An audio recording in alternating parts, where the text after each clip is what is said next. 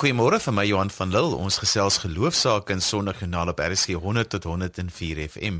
En saam met my in die ateljee is gewoonlik Liselde Brein. Goeiemôre. Ons het 'n heerlike propvol program vandag. Ons hoor van professor Nelis Niemand en Dominee Godfrey Betta oor die gesamentlike vergadering van die NG Kerk en die Verenigde Gereformeerde Kerk van Suid-Afrika. Ons hoor oor Hospie Vision wat vanjaar 15 jaar oud is en Brand Pretorius en Stas van Onbeskaamd vertel oor hulle geloofspad. Jy kan natuurlik ook saamgesels deur te tweet vir ons by Sondagjoernaal of los vir ons 'n boodskap op Sondagjoernaal se Facebook bladsy. En as nie een van daardie opsies vir jou werk nie, kan jy vir my 'n e e-pos stuur by lazel@wwd.co.za. Dit is lazel@wwd.co.za of op RSG se webwerf inskakel by rsg.co.za. So trek jou koffie nader en lekker luister. Ons skop vanoggend af met 'n onderhoud wat Lisel met Brand Pretorius opgeneem het tydens 'n onlangse diner van die Bybelgenootskap. Brand Pretorius is 'n sakeman wat nie skaam is om te erken dat geloof 'n groot rol in sy lewe speel nie. As besturende direkteur van Toyota Suid-Afrika het Brand baie lewenservaring opgedoen en veral 'n paar dinge oor leierskap geleer. Brand om 'n leier te wees vra nogal soms dat jy in geloof besluite moet neem en spronge moet maak. Watter rol het jou geloof gespeel in jou besluite? Lazelda is geen twyfel dat my Christelike geloof was nog altyd die fondament van my lewe en ook my lewe in die sakewêreld en dit was my rugsnoer. My Christelike geloof, my beginsels en waardes is wat ek gebruik het om my besluite in te anker en dit het 'n baie groot dominante rol gespeel in hoe ek opgetree het uh, en ek wil dit duidelik maak Ek het nie my kristendom in 'n Sondag kompartement uitgeleef nie. Dit was ook in die sakewêreld 'n integrale deel van my verwysingsraamwerk. En wat ek in die sakewêreld bereik het, ek wil die eer aan die Here gee. Dit was suiwer genade, sy liefde het my onderskraag en jy het nou verwys na Toyota. By Toyota het alles soort van altyd reg geloop. dinge was relatief maklik, maar uh, ek het uh, die laaste 16 jaar van my lewe by die McCarthy groep gespandeer. En ons het deur baie moeilike tye gegaan en ek het op gedurende daardie moeilike tye net my afhanklikheid van God besef en uh, sonder sy krag en sy genade en sy hulp sou ons nooit deur daardie donker tye gekom het, nê. Nee. Wat sou jy sê is 'n geestelike model vir leierskap? Hoe het jy dit ingebring? Ek dink die mees doeltreffende manier om te lei is om te dien. So my benadering was nog altyd voordat jy vir 'n hand kan vra, moet jy 'n hart aanraak. En 'n mens raak 'n hart aan deur om te gee en jou mense te dien. My aardse rolmodel was my ma want sy het haar kristendom elke dag met die grootste oortuiging en deernis uitgeleef. Sy was die hart van ons huishouding en sy het oneindig invloed verdien. Want ons wou nooit iets doen om haar te leer te stel nie. En soos wat ek 'n student geword het in dienende leierskap, het ek natuurlik die voorbeeld van Jesus Christus nagestreef wat die voete van sy disippels gewas het en wat vir sy volgelinge aan die kruis gesterf het. Kan 'n mens nederig bly in geloof of in Christus, maar tog by gebrek aan 'n ander woord wil ek sê bold besluite neem? Ja, ek dink uh, definitief so. 'n Mens kan met groot vertroue optree in 'n leierskapsodanigheid, maar mens kan ferm wees, maar regverdig. 'n Mens kan hardkoppig wees wanneer dit kom by resultate, maar 'n sagte hart hê wanneer dit kom by mense. So ek dink uh, om Christus as 'n rolmodel te gebruik in 'n mens se leierskap sodanigheid is 'n manier om jou Skepper te verheerlik en Jesus Christus het 'n onberispelike en 'n inspirerende voorbeeld gestel uit 'n leierskapsoogpunt. So hy is die ideale rolmodel spesifiek dan ook in die wêreld van vandag wat taai is en ongenaakbaar en kompleks en waar ons druk moet verwerk en teleurstelling. Ons kan nie vir 'n beter rolmodel vra nie. Brand uit jou persoonlike oogpunt, wat dink jy is fout met die leierskap vandag in Suid-Afrika? Ons het nie dienende leierskap nie. Ons het uh, leiers wat hulle self probeer verheerlik en hulle eie belange dien En natuurlik is dit en 'n mens wil nie vir algemeen nie, daar is baie uitsonderings ook, maar uh, in sekere gevalle hulle versinne beeld nie die regte beginsels en waardes nie, want hulle tree nie met integriteit op nie, hulle aanvaar nie verantwoordelikheid nie. Hulle gee nie regtig vir hulle mense om nie. Dit dit gaan oor selfbelang en ek sê hierdie dinge moet hartseer. Ek wil so graag trots wees op al ons politieke leiers. Ek wil so graag opsien na hulle as 'n bron van inspirasie en as onberispelike voorbeelde. Ek verdoem nie almal nie, dit is nie my motief nie. Ek sê maar net gebaseer op gedrag, op voorbeeld is ons tans in 'n teleurstellende periode in Suid-Afrika, maar dit moet ons as leiers en spesifiek dan as Christenleiers aanspoor om medeverantwoordelikheid te aanvaar, om onder alle omstandighede die beste voorbeeld te stel en om maar dissipline toe te pas om om minder te kla, om meer te bid, om meer te probeer doen, om ons naaste liefde uit te leef, om meer om te gee om 'n groter verskil te maak. Ons land het ons nog nooit meer nodig gehad as juis nou nie. Jy het die woord integriteit gebruik, maar deesdae in die werksplek is daar soveel gelowe wat bymekaar gegooi word. Dink jy in 2014 kan 'n mens nog Christendom gebruik as 'n uh, as 'n manier om jou besigheid mee te bedryf? Ek dink dat uh, die toepassing van Christelike beginsels in spesifiek die verbintenis tot die waarheid en eerlikheid en besigheid op 'n etiese manier doen bly in 2014 en sal in 2015 steeds die fondament verteenwoordig vir volhoubare sake sukses. As 'n mens die beginsel van integriteit begin kompromisseer, dan begin jy dan is jy die oorsprong van 'n kanker in jou besigheid wat éventueel jou besigheid sal vernietig. So ongeag van geloofs-oortuiging glo ek daar's net een manier om besigheid te doen en dit is die regte manier gebaseer op eerlikheid en open openhartigheid en natuurlik die hoogste vlak van etiese gedrag. 'n Laaste vraagie, hoe behou mense jou kalmte of watter rol speel jou geloof wanneer jy in 'n druksituasie is by die werk, wanneer die vakbonde aan die deur klop en al daai moeilike besluite moet geneem word? Ek dink mense geloof is dan 'n anker. 'n Mens se geloof is 'n is 'n bron van hoop, 'n bron van vertroosting wanneer dinge moeilik gaan. 'n bron van inspirasie want daar's soveel rolmodelle met Jesus Christus as die aan die voorpunt in die Bybel. Daar's soveel wysheid, soveel waarheid wat in die woord van God vervat is. So ek wil weer sê spesifiek in tye soos vandag is die toepassing van die lesse wat in die Bybel vervat is in die riglyne die toepassing daarvan is alles oorheersend. Ons weet mos nou daar was 'n paar onwillige leiers ook in die Bybel gewees. Was daar ooit 'n tyd wat jy op 'n punt gekom het waar jy gesê het jy dink nie dit werk nou meer nie. Jy moet nou 'n ander model volg. Daar was baie moeilike tye waar waar ek regtig waar deur middel van my geloof aan hoop moes vasklou. Daar was baie tye wat ek in myself getwyfel het wat ek verkeerde besluite ook gemaak het.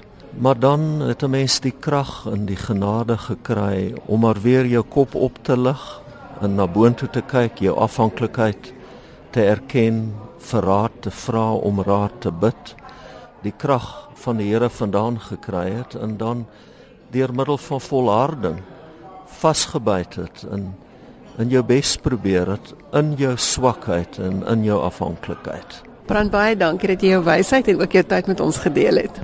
Baie dankie Lisel.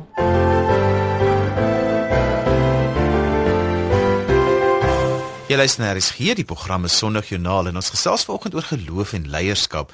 As jy op RSG se webwerf gaan kyk by rsg.co.za, sal jy 'n potgooi van hierdie gesprek kan aflaai op jou rekenaar. Ons gaan luister na die musiek van Rochelle Liederman. Ons gesels net hierna verder.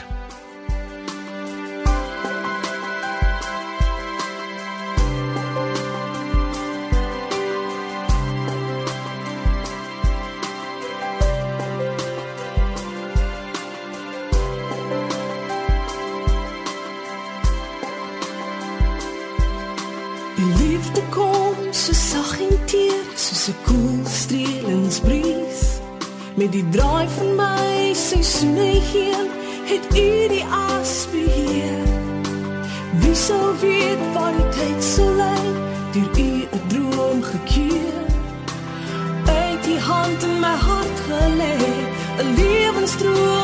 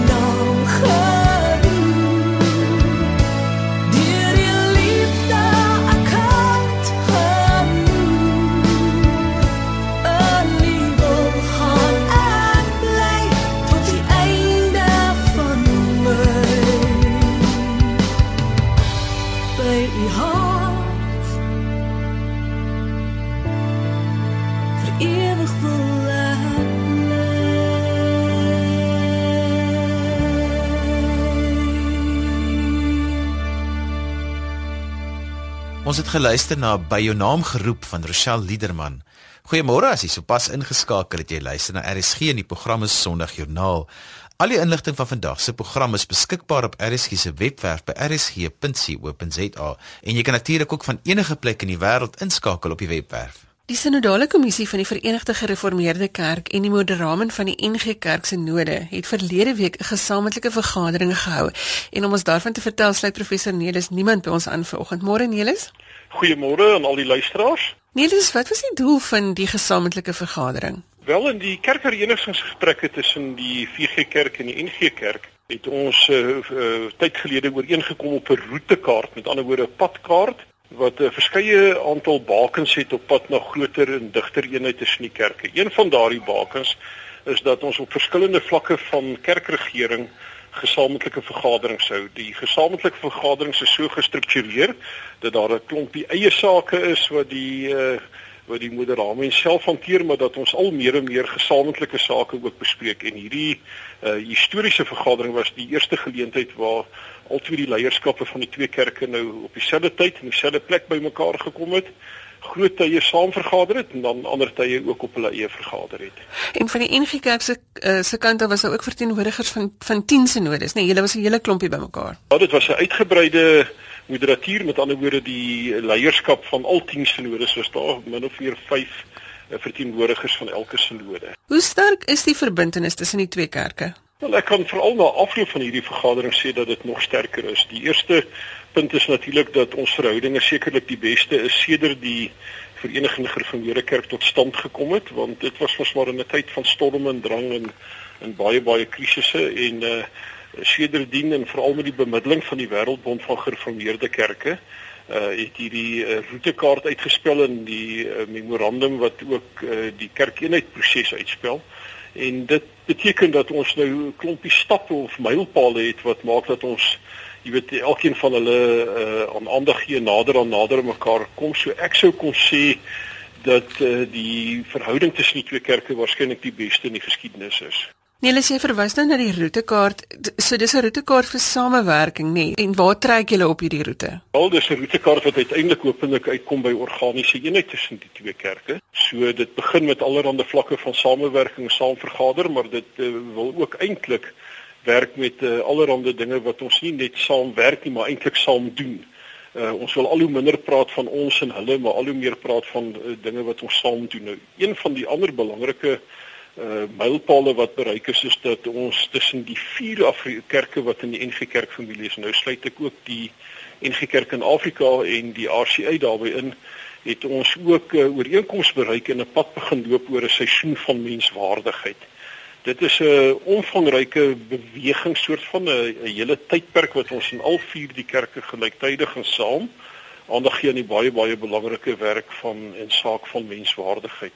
Daar's al klaar ooreengekom oor kan ons maar amper sê kernwaardes wat hierdie seisoen sal rig.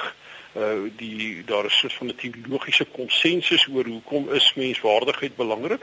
En dit gee nou vir ons die geleentheid om gesamentlik ook van die moeilike moeilike samelewingsake aan te pak. Soos byvoorbeeld, jy weet, sake soos rasisme, uh hoe hanteer ons die hele dinge rondom menslike seksualiteit? Hoe hanteer ons geweld in ons samelewing? Hoe herstel ons ietsie van die waardigheid van mense wat in God se oë almal na God se beeld geskaap is? En ek is baie baie opgewonde oor die feit dat dit ook nie net die NG Kerk en die VG Kerk is nie, maar dat die ander twee familiekerke ook hierby bygekom het. Nelis het hierdie gesamentlike ervaring vir jou 'n persoonlike reis meegebring. Dit was vir my 'n besondere verrykende gebeurtenis. Ons het uh, baie baie geleer. Die feit dat jy op dieselfde tyd en plek bymekaar kom, gee net vir die geleentheid om oor etes en teedering sessies en sommer maar net omdat mense bymekaar is, soveel ander sake ook net te belyn. Dat baie van die energie wat in die onderskeie uh, kerke teenwoordig is, jy weet net op dieselfde sake te rig en te fokus en uh, aan dieselfde samelewing sake aandag te gee. Een goeie voorbeeld is byvoorbeeld dat dat ons nou ook uh, gesamentlik as kerke baie baie sterk aandag wil gee aan die diensleweringprobleme in ons land. Jy weet daar's baie gemeenskappe nie net in klein platlandse dorpe nie, maar al hoe meer in stede en so wat baie swaar sukkel en gebuk gaan onder uh weet watertekorte, ander diensleweringstekorte en dit het 'n geweldige impak op daai gemeenskappe en ons dink uh, ook ons kerke kan saam hande vat en saam met ander mense in die gemeenskap 'n besondere rol in hierdie verband speel. En is jy opgewonde oor die pad vorentoe? Ons is baie opgewonde oor die pad vorentoe. Een van die praktiese dinge wat nou ook volgende moet gebeur is dat ons nou ook met die hulp van kundigheid van die protestantse kerk in Nederland wat ook al klaar deur so 'n kerkeenheidsproses is, gaan ons nou 'n tussenorde vir die twee kerke skryf. 'n Tussenorde is met ander woorde kerkregtelike reëlings wat hierdie verhouding wat ons nou, jy weet hierdie roetekaart waarop ons is in hierdie verhouding wat ons met mekaar het, nou ook in kerkregtelike terme beter begin uitspel en helderheid gee daaroor en ons help om uiteindelik te beweeg na 'n volle organiese eenheid. So ek kry regtig waar die gevoel dat daar momentum is op 'n persoonlike vlak is my ervaring dat daar baie goeie en hegte verhoudings is ook persoonlike bande wat tussen die leierskap van die twee kerke groei uh, dat daar al hoe meer en meer uh, gedeelde waardes en 'n gedeelde visie uh jy weet op die horison verskyn van 'n pad wat ons saam kan loop. Uh en ons is baie baie opgewonde daaroor. Nee, dis dankie dat jy vanoggend saam met ons gekuier het. Baie dankie vir die geleentheid. Ek waardeer dit.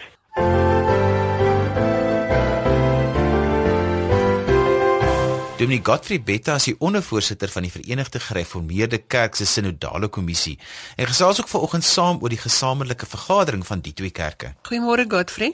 Goeiemôre Lisel en die luisteraars van RSG. Godfrey, julle het eintlik apart en saam vergader in Mamelodi by die Noordelike Sinode van die VGK. Is dit die eerste gesamentlike vergadering van die twee kommissies?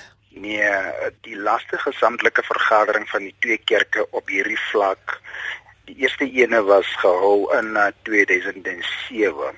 So hierdie is eintlik uh, die eerste die maar uh, dis die eerste in 7 jare.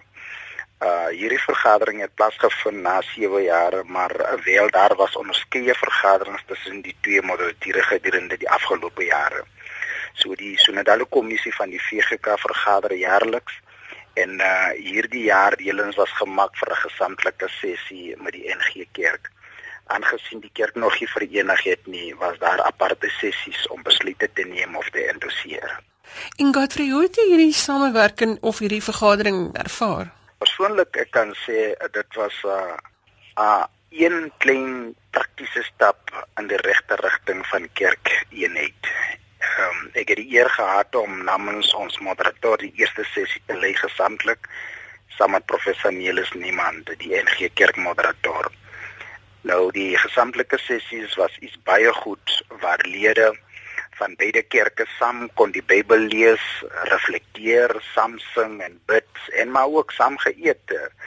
Uh nou die gesamentlike terugvoering of die verslag deur die leierskap van albei kerke, die bilaterale gesprekke uh was ter tafel gelê en uh, die vier kerke ook 'n verslag en uh, die takspan vir kerke uh hereniging en die takspanne vir uh, menswaardigheid uh, was gedurende die gesamentlike sessies hanteer. Dis baie aanmoediging alhoewel ons weet van die VGK se kant af dis 'n baie lang proses uh, waarmee van die mense ook maar begin onthuldig raak.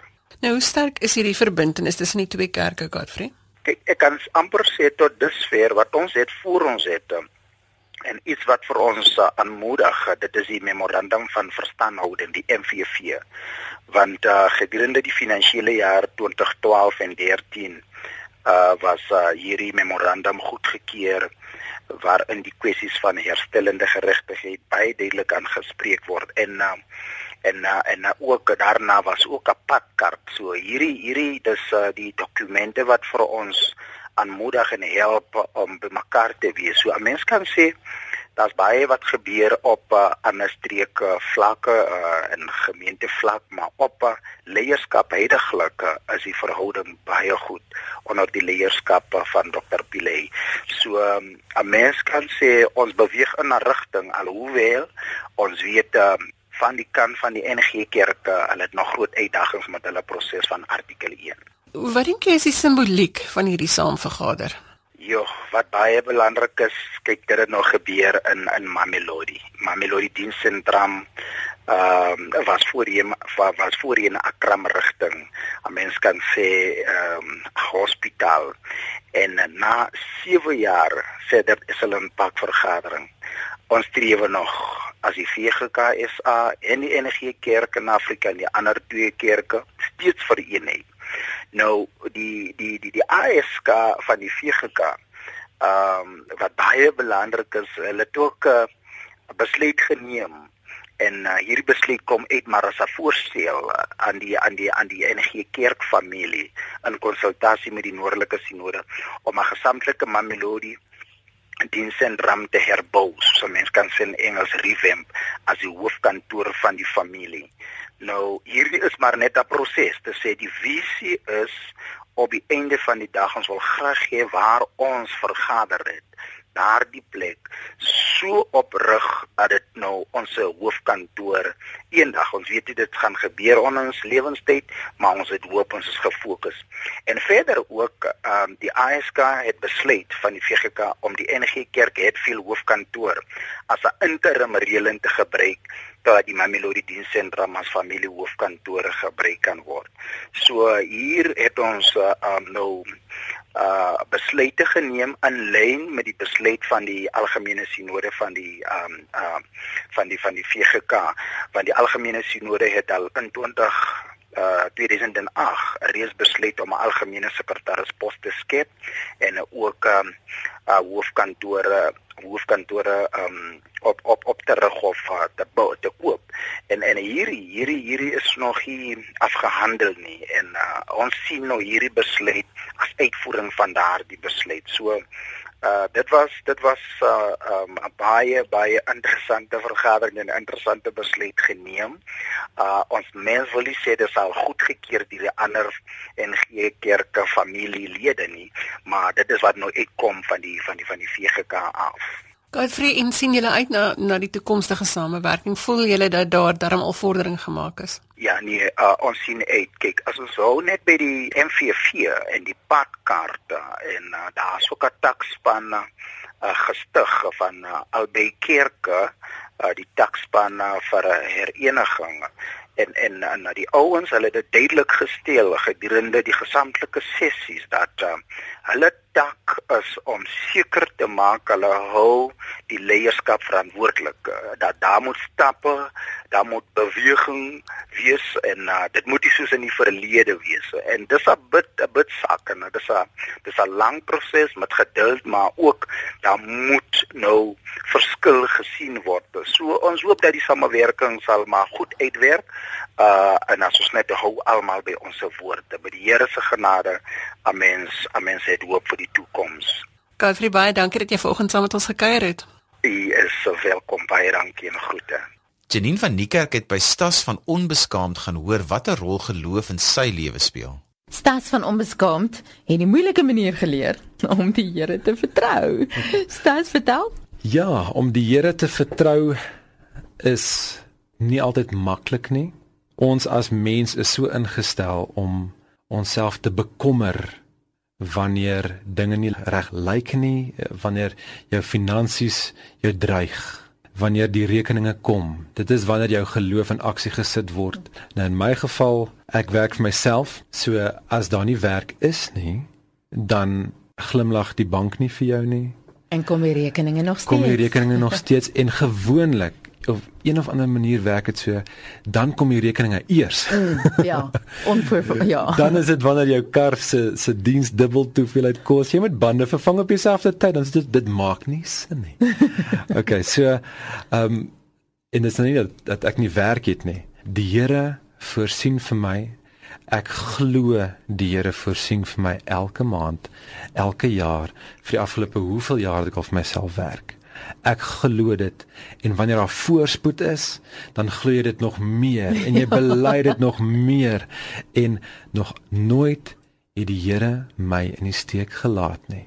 En toe slaan 2014 en ewe skielik nie omdat daar nie werk is nie, maar ewe skielik verander die industrie in ons land. En ewe skielik word dan net jy weet jou jou projekte strek bietjie langer en die bank smile al minder. En jy weet En ewe skielik besef ek, hoorie, ek is op die punt om miskien in die knyp te wees en dan besef jy, hoorie maar, nou is ek bewus van hierdie finansiële uh, uitdagings en, en ek besef net weer, daar's soveel mense wat elke maand so voel, wat die heeltyd so voel, want dit dit vul jou gedagtes dit vul jou jou familielewe dit vul hoe jy reageer. Ewe skielik word jou karakter so getoets want jy sê jy vertrou die Here maar vertrou jy regtig die Here as jy plannetjies begin maak en jou rekenaar en jou Excel program oopmaak en begin nommers intik en sê ek dit gaan nie uitwerk nie. Ek dit gaan nie uitwerk nie. As ek dit verkoop en dit verkoop en, en dit is hoe ons as mense nou net is. Hmm en op baie punte kom en sê Here ek is moeg om hierdie sommetjies te maak want dit geen van my sommetjies werk uit nie. Geen van my sommetjies werk uit nie. Ek het u nodig. En ek vertrou u nog steeds dat die einde van die maand gaan kom en alles gaan wees soos wat dit moet wees. En dan is die einde van die maand verby en is soos ek wag kom ons gaan gou terug. Niks het verkeerd gegaan nie. Wat het gebeur? Die Here het vir my gesorg. Die Bybel sê die vrede van God sal jou gedagtes bewaar. As jy die Here vertrou, jy doen vandag wat jy kan doen en die bonatuurlike los jy in sy hand want jy het geen beheer oor die bonatuurlike en jy het geen beheer oor wat môre gebeur nie. Alwaar jy 'n verskil kan maak is vandag. Hmm. En jy moet net doen wat die Here vir jou sê vandag. Jy kan net doen wat jy kan vandag. Jy kan nie in môre enigiets verander nie. So ek het baie slaap verloor eers. Uh, jy weet jy word mos so in die oggendure wakker en dan hou jy wakker en dan begin die sommetjies aan werk. Dit weet nie uit nie. maar wanneer jy die Here vertrou en daai sommetjies staar jou in die gesig, sal sy vrede jou gedagtes, jou hart bewaar. Ehm um, weet soos die plekke waar ons bly as jy by die hek kom en iemand wil vir jou kom kuier en hulle moet eers by daai sekuriteitshekke inkom. Dan bel hulle jou nou mos eers en dan kyk jy op jou foon en jy sien o, hier's iemand. So jy jy het die keuse om te sê ek gaan die knoppie druk of ek gaan hom nie druk nie. Ek gaan hom inlaat of nie inlaat nie. En jy het die keuse om te sê ek gaan nie toelaat dat hierdie kommer my lewe omkrap Dis 'n realiteit. Ons ons is nie in dat dit wegpraat nie. Dis 'n realiteit. Maar dat die Here se vrede wat alle verstand te bowe gaan, jou gedagtes kan bewaar, dis ook 'n realiteit. En jy doen wat jy kan vandag. Jy vra vir Here vir sy voorsiening en jy los môre in sy hand. Jy gaan slaap in die aand en moenie worry nie want die Here bly wakker. So in my lewe is dit my getuienis die afgelope jaar het ek finansiële uitdagings regtig gehad en die Here voorsien maand na maand na maand op verskillende maniere. Dis nie hoe jy dink dit werk nie. Ja. En uh, sy vrede bewaar my gedagtes wanneer ek hom toelaat. En as jy dan nou geglo het of ten minste homself getrou bewys het aan die einde van die maand en jy kyk terug op daai maand en die volgende maand begin so en jy moet vertrou jy dadelik of is dit elke keer weer 'n keuse wat jy moet maak? Dit is 'n bewuswording meer as net 'n 'n blindelingse ding wat jy nou maar net sê. Dis 'n bewuswording van ek is weer by 'n punt waar daai berg voor my staan. Ek weet ek het onder die beld 'n 'n paar uh, oorwinnings hmm. van wat die Here klaar vir my gedoen het en op grond van wie ek weet hy is en hy het my klaar gehelp, weet ek hy gaan my weer help. So ek kyk terug en ek weet ek is weer by daai punt en ek sê Here, dankie vir wat U al klaar gedoen het en dat ek weet ek hoef nie bekommerd te wees oor wat in hierdie maand gebeur nie. U het al klaar voorsien daarvoor. En so klink onbeskaamd met ek weet verseker.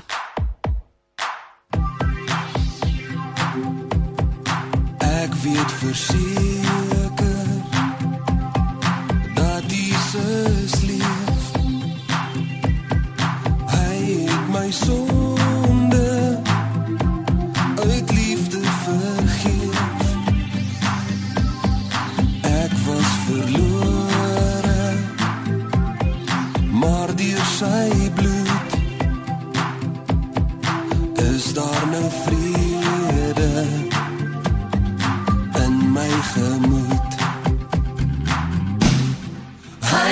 my love.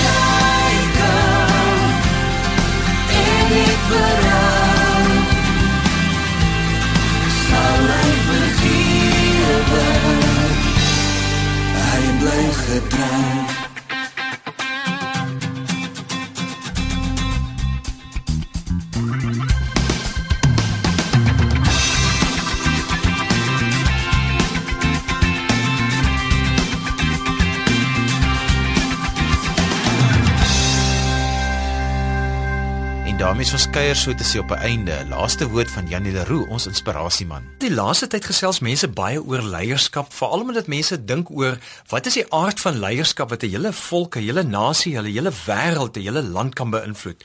Nou leierskap kan 'n organisasie of 'n regering of 'n kerk maak of breek. In beginsel moet leierskap positief kan inspireer. Inspirerende leierskap neem mense saam na wat kan wees omdat dit moet wees. So inspirerende leierskap bring hoop en groei.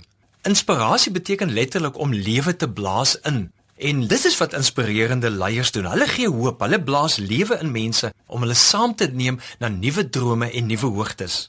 Ongelukkig is dit wel so dat daar leiers is wat om die verkeerde redes leierskap beoefen. Hulle mislei hulle self dikwels en is blind vir die negatiewe effek wat hulle leierskap het. Nou dis vernietigende leierskap wat mense tot chaos en tot wanhoop lei. Ek dink om mense te help met hoop, moet ons miskien kyk na wat professor Snyder sê.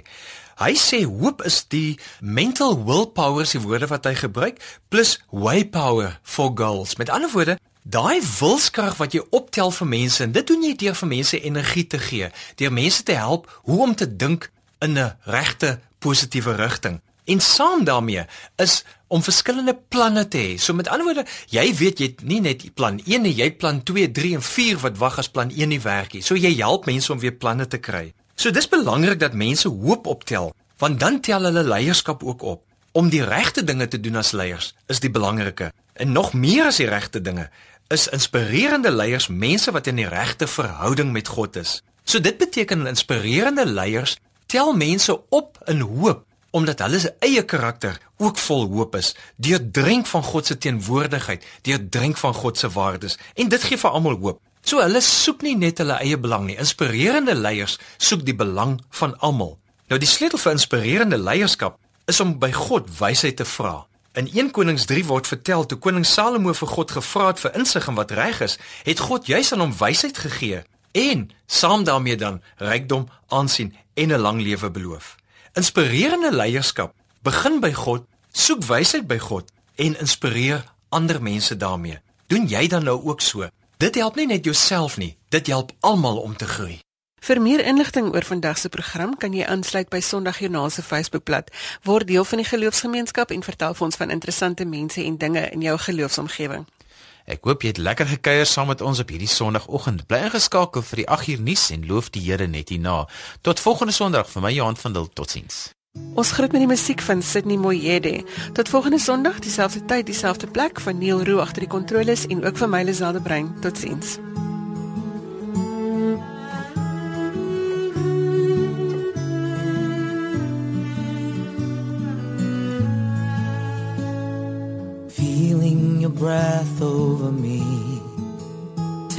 With a sweet melody. Your beauty surrounds me and moves and confounds me, stirring my spirit to see. In your arms is where I will find rest. For the weak and the weary you blessed. As I come to the table, I know that you're able reach to the depth of my need. I am loved, I am loved, I know I will always be. And I love, and I love, cause you first love me. Your grace pouring down over me. Hands open wide, I receive. Teach me to be selfless and beautifully helpless. Laid me down at your feet. Oh, I am loved. I am loved. I know I will always be. And I love, and I love, cause you first love me. Yeah, you first love me.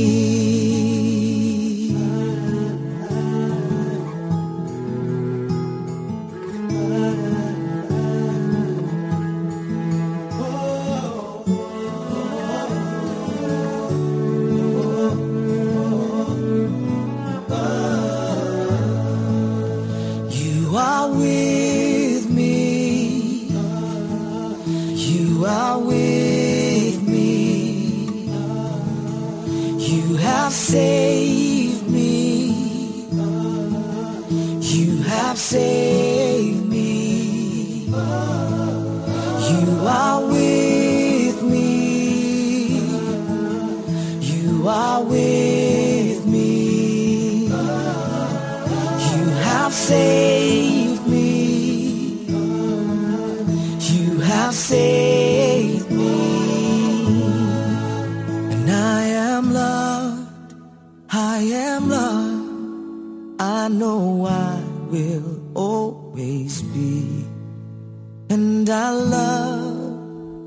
Yes, I love. Cause you first loved me.